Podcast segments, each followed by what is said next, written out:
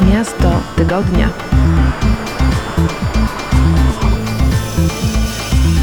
Witajcie, zapraszam Was na kolejny odcinek audycji Miasto Tygodnia. A w tym tygodniu wybieramy się do Wietnamu, do miasta Hanoi. Oprowadzi nas po nim ktoś, kto miasto to zna od podszewki od wielu, wielu lat. Zapraszam. Miasto tygodnia.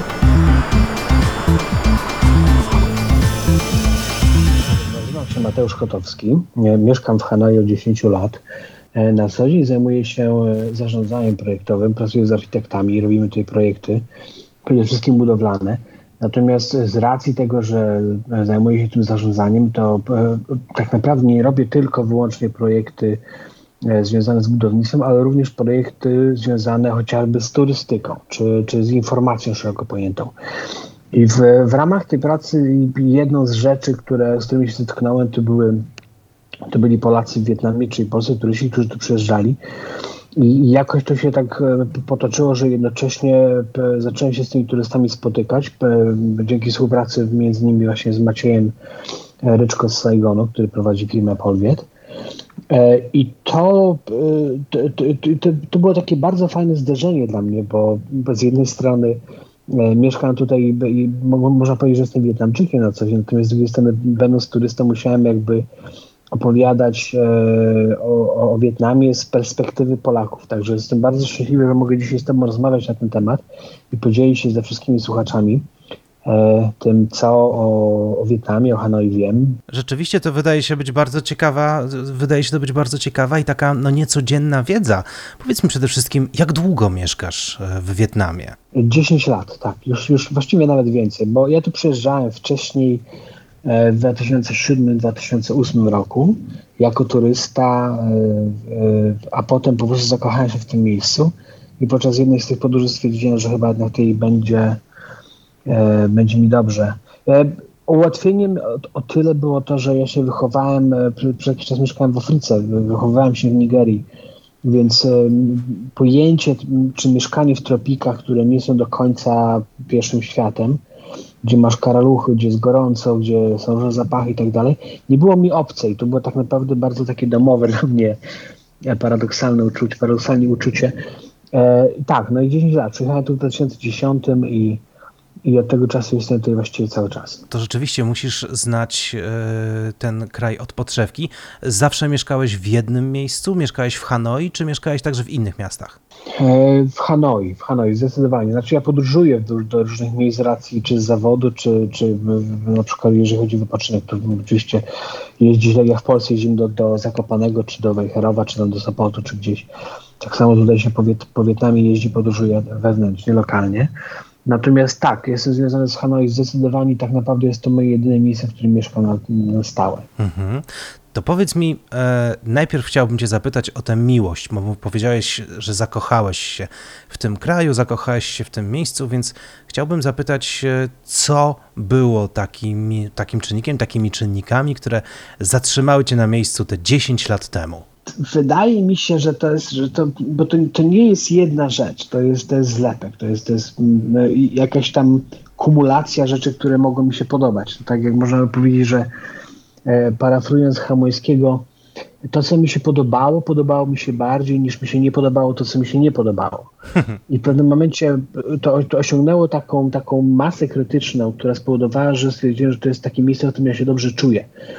E, Trudno mi to porównać do miłości, no bo miłość bywa różna. Bywa pięciominutowa, bywa tak, że ludzie zakochują latami sobie i w pewnym momencie nagle sobie zdają z tego sprawę chyba. E, Natomiast no, w moim przypadku, w przypadku Hanoi to było tak, że to była taka miłość, która się bardzo powoli rozwijała, ale, tak, ale stabilnie. Ta e, pierwsza podróż była taka bardzo przy, przy- przyjemna, mi, miłe zaskoczenie Wietnamem. Druga już była bardziej taka pod kątem, e, już zdawałem sobie sprawę z tego, że to jest takie miejsce, które, w którym mógłbym zostać, mógł tu mieszkać. E, I zacząłem się rozglądać za tym, jakie są możliwości chociażby z pracą. E, I potem no to już była decyzja, bo to decyzję podjąłem będąc w Polsce, pracując jeszcze u nas w instytucjach państwowych. E, I, I stwierdziłem w pewnym momencie, że po prostu, że to, że, że jednak to, co, co w Polsce e, jest, nie jest do końca tym, czy, z czym ja się identyfikuję, czy, czy, czy co, co, co lubię. E, I stwierdziłem, że warto spróbować. No, oczywiście miałem jakby taką świadomość, że jeżeli mi się nie uda, no to wrócę. Więc rzuciłem pracę, spakowałem się i przyjechałem do Wietnamu. No, wygląda to na taki bardzo ryzykowny krok. No, ale jak wspominałeś, to nie pierwszy raz, kiedy zmieniasz kraj swojego życia. E, I powiedz mi, przyjeżdża Polak do Hanoi. Od czego zaczyna? Tak. Od wydawania pieniędzy. E, od przepłacania na pewno. E, na początku to jest tak, że jednak ciągle nie, ma, nie mając jakby tego wejścia w, w tą w tą, w tą, taką codzienność, nie mając wejścia w, tą, w te płaszczyzny, które są takie codzienne, które są bardzo takie przyziemne również, w, tę, w tą materię taką codzienności, to ciągle jest się turystą. Ja na początku oczywiście parę dni to było gdzieś tam jakiś hotel, E, potem znalazłem jakieś takie e, miejsce tymczasowe, w którym zatrzymałem na dwa pokoje. E, I potem z czasem, no i na początku trzeba się rozejrzeć, trzeba się zaklimatyzować, oczywiście to trwa czasami miesiąc, no a potem rozglądanie za pracą. No i w moim przypadku no to było, to, to, to wyglądało tak, że ja po prostu zacząłem wysyłać wszędzie CV wierząc, że ktoś to przeczytał, ktoś stwierdzi, wow, jestem taki, mam tyle tych certyfikatów i te, tak się znam i tyle projektów prowadziłem, więc mnie zatrudnił, a tu się okazuje, że, że w Wietnamie to nie ma znaczenia, co wiesz, ale ma znaczenie, kogo znasz. A ponieważ ja nie znałem nikogo, więc było bardzo trudno dostać pracę. Także to był ten taki początek bardzo trudny. E, znalezienie pracy, jeżeli ktoś, no to ja jednak polecam, żeby zacząć od tego, żeby szukać tą pracę online, będąc jeszcze na przykład w Polsce. I to dotyczy jakiegokolwiek kraju. To nie jest tylko Wietnam. E, prawda jest taka, że o wiele więcej teraz można rzeczy znaleźć, będąc on, po prostu online, niż przyjeżdżając na dane miejsce. E, kolejną rzeczą to jest mieszkanie. Na, na początku oczywiście przepłaca się wielokrotnie za, za to mieszkanie, potem dopiero człowiek się orientuje, jakie są realia, jakie są ceny, gdzie najlepiej mieszkać i tak dalej, i tak dalej. I dopiero wtedy się wchodzi w tą taką codzienność. Powiedz mi, e, samo Hanoi, Jakie to jest miasto? Bo dla Polaka to jest przede wszystkim miasto bardzo dalekie. Dla takiego zupełnie zwykłego zjadacza chleba jak ja, Hanoi może kojarzyć się z amerykańskimi filmami wojennymi albo zespołem Hanoi Rocks e, z lat 80., 90. Nie wiemy o nim nic. Zatem, e, gdy przyjeżdżali ludzie do Hanoi, a ty miałeś okazję im opowiadać o tym mieście, jakim szlakiem ich prowadziłeś? E, akurat Hanoi Rocks ja też nie znam, e, nie wiem, jest to wynika może jakiejś, nie wiem, muzyki nie słuchałem takiej, ale e, Hanoi rzeczywiście, tak, egzotyczne, to się tak nam kojarzy, to jest egzotyczne, orientalne, do tego dochodzą jeszcze takie smaczki związane przykład z komunizmem, właśnie z wojną wietnamską, to są takie skojarzenia, które przychodzą pierwsze do głowy. Tak naprawdę niewiele tego tutaj jest już, jeżeli chodzi o te takie pierwotne pojęcia. Natomiast e, pytasz, jak to jest, e, jak opowiadam o Hanoi ludziom, którzy tutaj są, którzy tu przyjeżdżają. No więc e, wiesz, ludzie, którzy tu przyjeżdżają, oni już mają jakąś świadomość, oni chcą tu zobaczyć. Więc to jest zupełnie inaczej, zupełnie inaczej z takimi ludźmi rozmawia. Oni mają zupełnie inną, zupełnie inną mentalność. Zupełnie inaczej postrzegają nowe i dziwne rzeczy, które na przykład nie pasują do do naszego e, wartościowania. E, Im jest łatwiej e, to zrozumieć, im jest łatwiej to zaakceptować w pewnym sensie.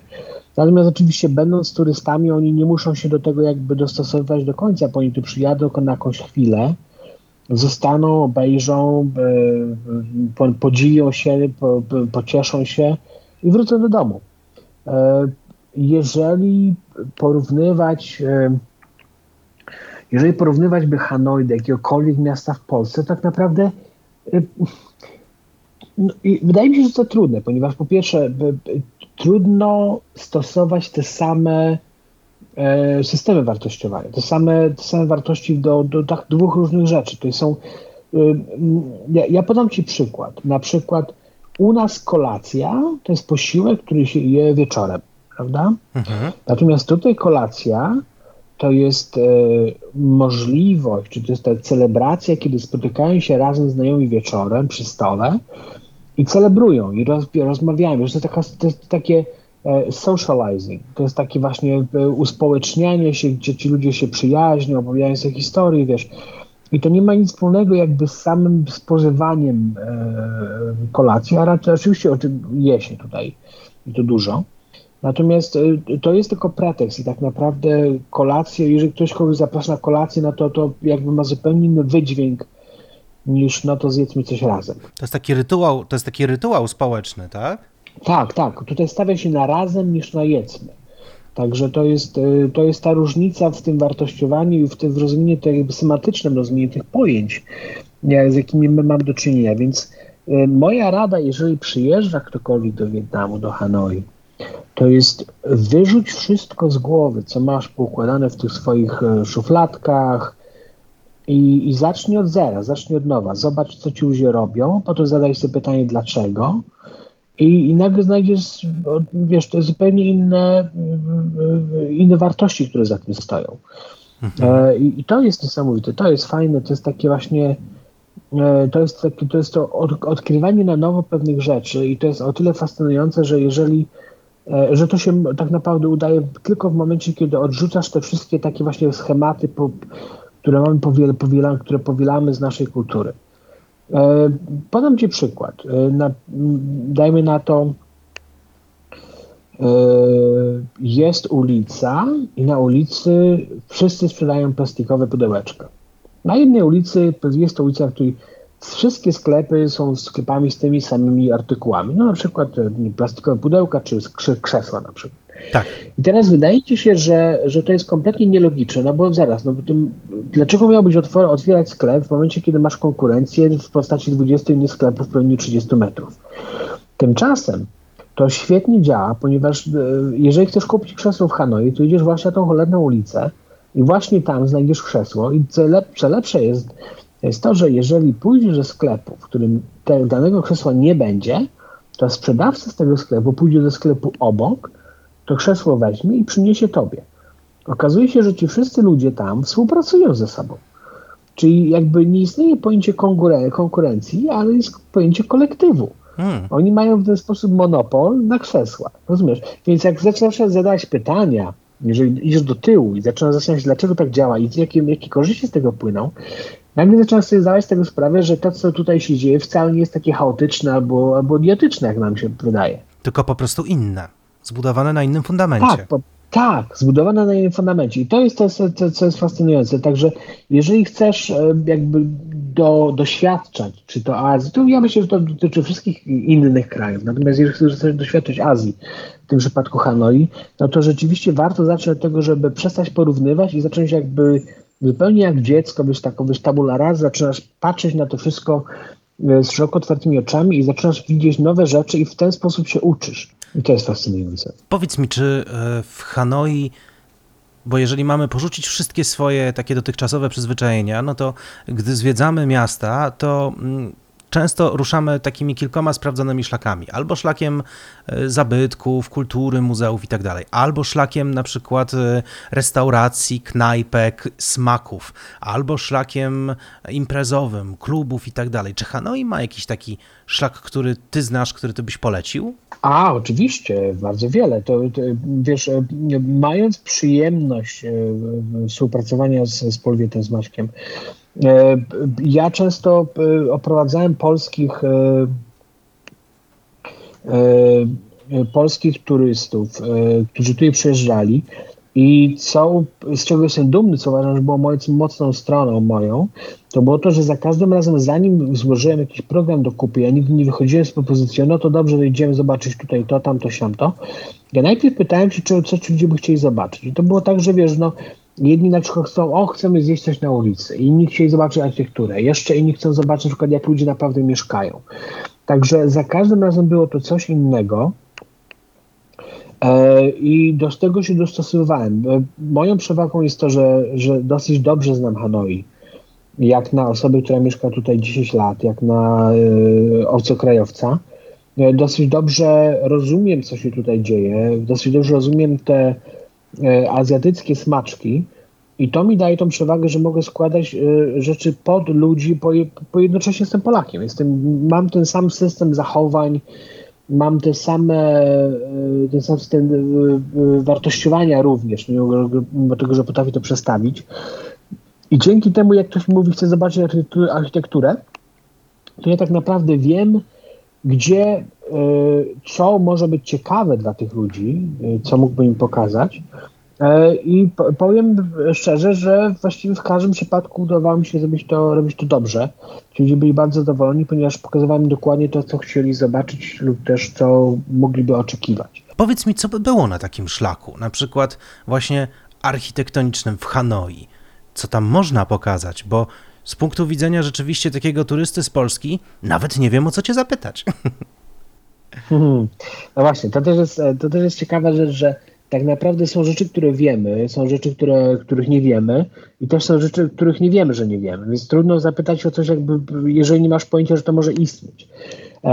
Natomiast jeżeli ktoś pyta o pewne pojęcie, na przykład architektura, no to no przykładowo w Hanoi pierwszą rzeczą, jaką, jaką pokazuje, no to jest dowolny praktycznie dom, który jest zbudowany w bardzo charakterystyczny sposób. Mianowicie to jest tak, że te domy są bardzo wąskie i one idą bardzo głęboko, w, w, wchodzą w alejki, natomiast fasady są bardzo wąskie, one są bardzo wysokie jednocześnie. No i wiesz, od tego zaczyna się w ogóle ta cała przygoda z, z architekturą, gdzie jakby zadajesz sobie pytanie, dlaczego tak to jest. No i z jednej strony to jest związane z, z, z kwestią społeczną, no bo w, w czasach feudalnych to było tak, że podatki płaciło się od szerokości fasady w miastach. Zresztą w Gdańsku na przykład jakieś tak było. Więc im węższy dom, tym mniejszy płaciło się podatek. A drugą rzeczą to jest to, że, że przez to, że jest tutaj tyle ludzi, każdy chce mieć dostęp do ulicy, ponieważ ulica gwarantuje ci jakiś przychód, gwarantuje ci to, że możesz ze swoim towarem wyjść na, wiesz, bezpośrednio do ludzi. I dzięki temu każdy z nich ma dostęp. Natomiast przez to, że ich jest tak wielu, e, nie stać tak naprawdę nikogo, ta przestrzeń jest o wiele bardziej e, wartościowa, jest o wiele droższa. Więc tak naprawdę czasami dwa metry zupełnie wystarczą do tego, żeby mieć sklepik z czymś. Także to jest taki pierwszy, wiesz, ryft architektoniczny. Natomiast potem oczywiście, no, wiesz, jest tu mnóstwo ciekawostek, czy to, czy to wieżowce, które są wysokie i imponujące, czy na przykład widoki z tych wieżowców, czy, e, czy na przykład most zbudowany przez Alfreda Eiffla, który do dzisiaj tutaj stoi, wiesz, e, czy, czy takie mniejsze architektoniczne, jakieś drobnostki, na przykład to, że można wejść w alejkę i można iść w tej alejce, wiesz, 300-400 metrów i co chwilę coś się zmienia, i nagle gdzieś wchodzisz na jakieś takie małe ryneczki i tak dalej, tak dalej. No wiesz, ta, ta architektura i na poziomie jednostki, na poziomie jednego budynku, czy, czy tak, unitu, czy na poziomie jakby całej tej struktury miejskiej, to, to, jest, to jest fascynujące rzeczywiście. Dla nas na przykład tu kolejną rzeczą jest to, że to wszystko jest takie bardzo w mikroskali, że wiesz, że e, te, te uliczki są na szerokość dwóch motocykli, e, czy, czy na przykład alejki są na szerokość, wiesz, tak jak we Włoszech, na szerokość dwóch osiołków. E, domy są no, niewiarygodnie wąskie czasami i dla nich jest to zupełnie normalne. E, tak samo jak te stołeczki na przykład słynne, na których się siada na ulicy gdzieś tam w, w Hanoi, żeby coś zjeść na ulicy. No to są zjedelki, na, na których normalni na przykład Polacy by nie, nie usiedli. Ci turyści, z którymi czasami zdarzało się przechodzić gdzieś tam na ulicy, coś, coś zjeść, no to oni na początku śmiali się z niedowierzaniem jak można, ale rzeczywiście potem odkrywali uroki siedzenia na zydelkę, który ma 25 cm wysokości. No i jest to jakiś tam element architektury dodatkowy, bo to jest e, element, wiesz, kształtowania przestrzeni. A przez to, że masz tyle ludzi tutaj, to przestrzeń kształtuje się tak, a nie inaczej. To bardzo ciekawe, że właśnie musimy nawet tutaj, e, w kwestii, w kwestii tego, na czym siadamy, porzucić swoje przyzwyczajenia. A powiedz mi, jeżeli chodzi na przykład o jedzenie, bo e, wietnamskie jedzenie w Polsce, a wietnamskie jedzenie w Wietnamie to są chyba dwie różne sprawy, prawda? O tak, oczywiście. Opowiadaj, jak się je w Hanoi? E, jedzenie to jest pasja. Jedzenie to jest. Zupełnie inaczej się podchodzi do jedzenia. Ja mam wrażenie, że ona w Polsce to się dopiero rodzi od jakichś tam lat za sprawą czy to kucharzy celebrytów, czy właśnie tej, tej takiej pasji tworzenia jedzenia, ludzie zdają sobie sprawę z tego, że jedzenie nie jest wyłącznie takim e, obowiązkiem, czy, czy, czy czymś, co, co robi ktoś w domu i trzeba jeść, żeby przeżyć i tak dalej. Zaczyna być to czasami cel sam w sobie. I tutaj to jest od, od zawsze. Tutaj jedzenie zawsze było formą sztuki, e, formą tej socjalizacji, o której powiedziałem. To jest bardzo istotne, że tutaj jednak Wietnamczycy e, nie mają zwyczaju jej samotności. Ja praktycznie nie widuję Wietnamczyka, który sam je. Za to jest dwóch, jest trzech, jest czterech. Tak samo jest to, wiesz, to się dzieje również w przypadku śniadania. E, to się dzieje oczywiście w przypadku obiadu, no i przede wszystkim w przypadku kolacji. To jest najbardziej taką biesiadną formą. E, więc raz, że, że, że forma, w sensie, że jedzenie odgrywa zupełnie inną rolę, tak, to jest takie spoiwo społeczne. Dwa, że jest to pasja, jest to przyjemność. E, nie traktuje się to o kategoriach nie mogę zjeść więcej albo nie chcę zjeść więcej, ponieważ to jedzenie przy okazji tutaj jest tak e, zdrowe, to są nieprzetworzone rzeczy, wszystko jest świeże, to wszystko jest smażone, gotowane na parze, e, e, upieczone albo nawet e, e, świeże, nie, nie obrane, na przykład nie, nie, nie ugotowane. Także to wszystko, to jest jedzenie nieprzetworzone, to się przyrządza natychmiast, więc E, zupełnie inną kulturą jest właśnie ta kultura jedzenia na ulicy. Tak jak się to, tak jak to parę razy już powtórzyłem. E, w Polsce jednak restauracje ciągle uchodzą z takie miejsca, które są e, no niecodzienne. To nie jest codzienność, że chodzisz do restauracji i coś zjeść. Do restauracji chodzi się w weekendy, czy chodzi się raz na dwa tygodnie, czy raz na miesiąc. To prawda. Natomiast tutaj e, ja jem częściej i wszyscy Wietnamczycy jedzą znacznie częściej na ulicy niż, niż w domu. E, oczywiście kuchnie są w domu, ale w domu kuchnia to jest takie miejsce, w którym po prostu wieczorem czasami się gotuje, jak jest czy zimno, czy pada. E, natomiast najczęściej po pracy ludzie się spotykają na ulicy, siadają przy tych zydelkach, czy to siadają w dużych restauracjach, czy to w takich miejscach. To w zależności od tego, co chcą, bo to też jest jedną inną kwestią jest to, że Tutaj jednak te restauracje się specjalizują. To nie jest tak jak u nas, że każda restauracja ma właściwie to samo i jedna może z czegoś tam słynąć lepszego lub gorszego. Tutaj jest tak, że jedna restauracja serwuje tylko zupę na przykład rano, druga restauracja serwuje tylko obiady, a e, wieczorem restauracje serwują piwo i do tego jest tam parę jakichś tam różnych potraw i, i przy takich przystawek, które się serwuje. I tak naprawdę przy tym się spędza czas. Powiedz mi, E, a co się właściwie je? Bo wietnamskie jedzenie, kiedy mówi się o nim w Polsce, no to wszyscy oczywiście z przekąsem i uśmiechem mówią kurczak w cieście i sajgonki. Jak to jest tam, w Hanoi? Co tam się je? Kurczak w cieście i sajgonki. E, to w ogóle, to, to, to jedzenie, które w Polsce uchodzi za wietnamskie, wietnamskie to w ogóle nie ma, nie ma nic wspólnego z, z Wietnamem. E, te sajgonki w Polsce są tak naprawdę krokiety, krokiety z kapustą, usmażone na głębokim oleju. Obalamy mity. Obalamy mity, bardzo przepraszam, ale tak, tak to jest. Mówię jak jest. E, obalamy mity. Kuciak w pięciu smakach. Ja tu w życiu nie jadłem kuciaka w pięciu smakach. Oczywiście jem kurczaki. Kurczak jest chyba jednym z ulubionych potraw na całym świecie. Tym bardzo dostępną formą mięsa, bo łatwo się to trzyma. Mhm. Natomiast przede wszystkim tak, podstawą e, jedzenia, e, jeżeli chodzi już o, o, o składniki, podstawą jedzenia jest ryż. E, nie ma tutaj pieczywa jako takiego. Znaczy ono występuje oczywiście, ale o wiele, o wiele rzadziej w, w innej formie też. E, można to kupić, ale ludzie tego z reguły nie jedzą. Są bagietki jako, jako taka rzecz, która została po, po kuchni francuskiej. Natomiast tak, ryż. Ryż jest, jest, jest e, tą główną formą jedzenia i to w różnych postaciach, bo to nie jest tylko tak, że to jest ryż gotowany, to jest ryż smażony. Jeżeli rano jesz zupę na przykład, to jest zupa czy to właśnie z kurczakiem, z kawałkami kurczaka, czy to z wołowiną, to będzie to zupa, która, miała, która będzie miała kluski ryżowe, czyli makaron ryżowy. E, I tutaj najpopularniejszą formą makaronu są makarony ryżowe właśnie. Mhm. E, tak, czyli ryż jest tą, tą podstawą, to takim staple food.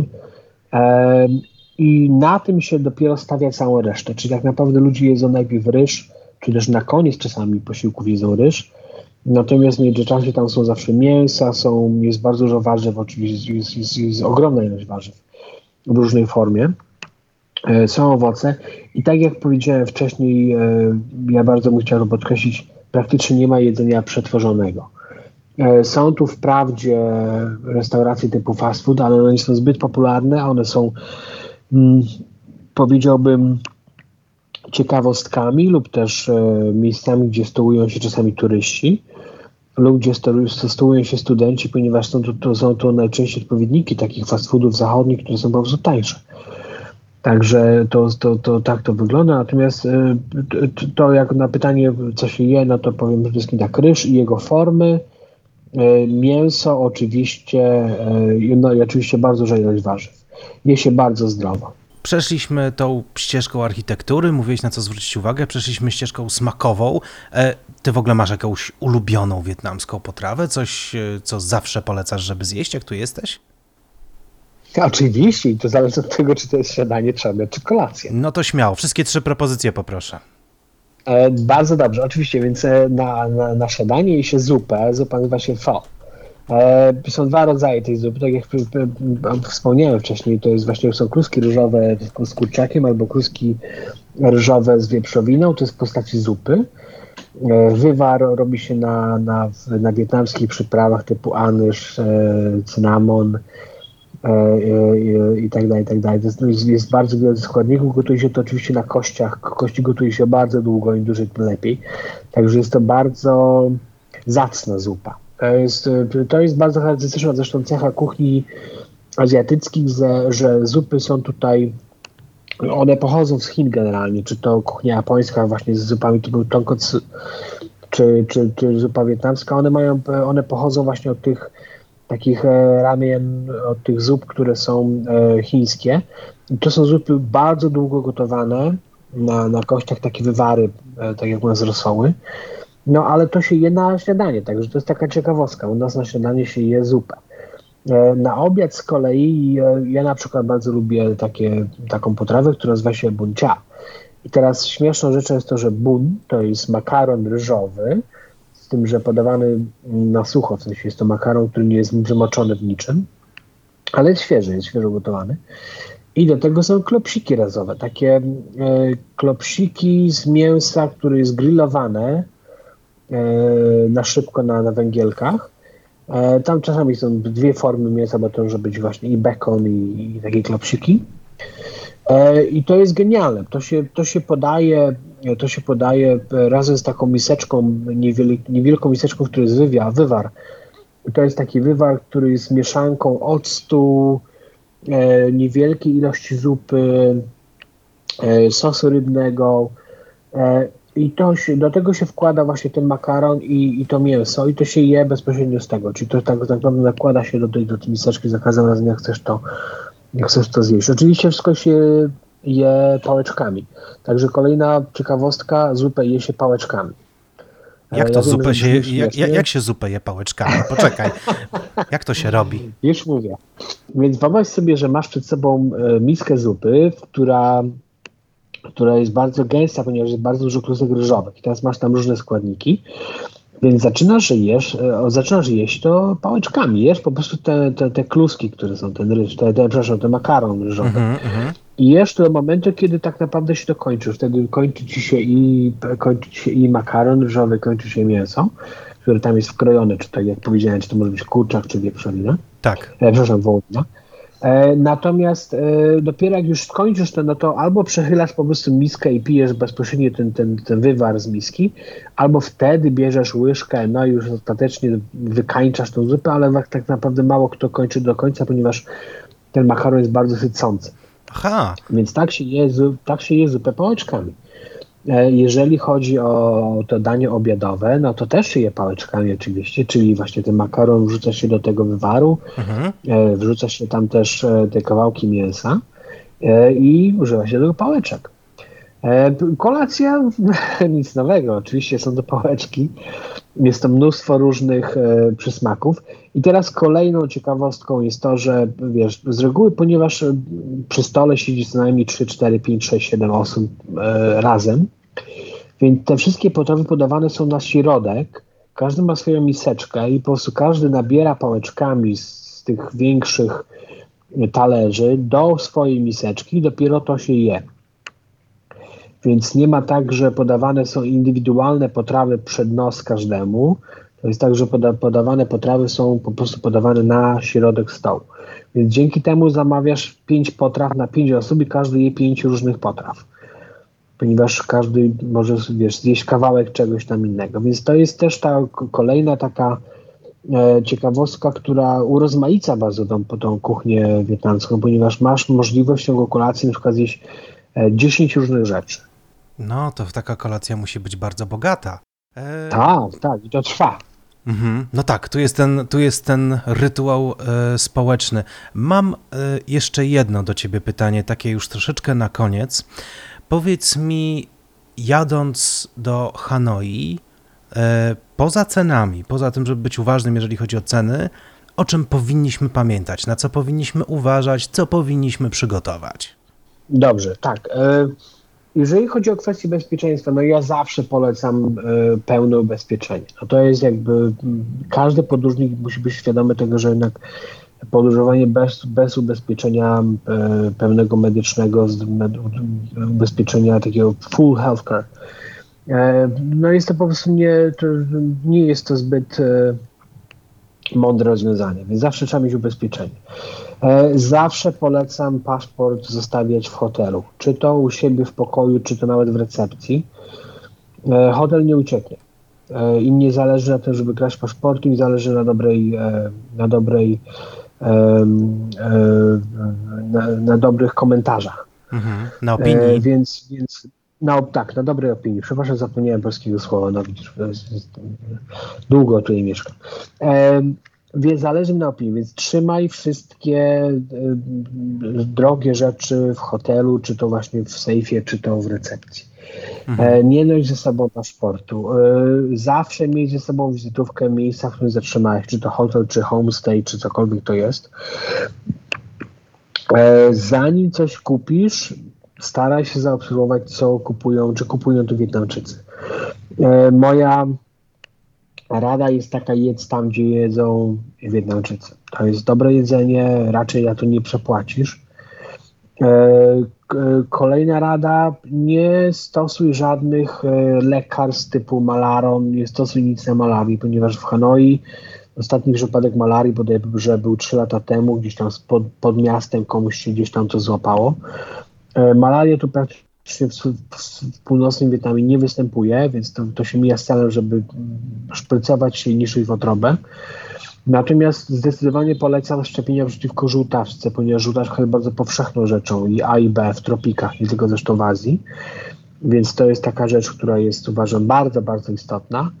E, A tak naprawdę no, to jest zachować się zdrowy rozsądek, mieć ten common sense. No, nie, nie dać się nie dać się w, w, wkręcić, czy też wkopać w jakieś takie pułapki turystyczne. Em, uważać w miejscach, które są zatłoczone, uważać na kieszenie. Tutaj na przykład w, w Wietnamie, generalnie w Azji, Azja jest generalnie bardzo bezpiecznym miejscem. No może z wyjątkiem tam niektórych krajów, na przykład Filipiny, w niektórych dużych miastach, ale e, na przykład w Wietnamie jest bardzo bezpieczny. Ja tu nie miałem nigdy żadnej praktycznie żadnej przygody, która była negatywna. E, natomiast no, czy takie właśnie kradzieże kieszonkowe drobne zdarzają się wszędzie i to jest, to jest normalne, więc proszę uważać na to. E, proszę e, zdecydowanie nastawić się na pozytywne doświadczenia. E, Jeżeli ktoś tu przyjeżdża, to e, 95-99% osób jest bardzo, bardzo mile zaskoczonych, ponieważ to jest naprawdę to jest wspaniałe miejsce. To jest, ludzie są bardzo mili, ludzie są bardzo pomocni, bardzo przyjaźni. Nie ma agresji. To jest bardzo taka ważna, istotna rzecz. Nie ma, ludzie nie są agresywni. E, Również przez to się nie konfrontują, więc nie ma takich bezpośrednich starć. E, Wszystko jest relatywnie tanie, więc nawet jak przepłacamy, to stać nas na to. Nie ma w związku z tym tragedii, nie psujmy sobie humoru, że zapłaciliśmy za banany czy za coś tam dwa razy więcej, ponie- ponieważ to i tak jest, jest bardzo, bardzo tanie. Otwórzmy się na te doświadczenia, otwórzmy się na kuchnię wietnamską. Jest, jest to genialna kuchnia. Jest to jedna z tych pięciu naj, takich najlepszych kuchni na świecie, razem z japońską, chińską, e, hinduską i tajską.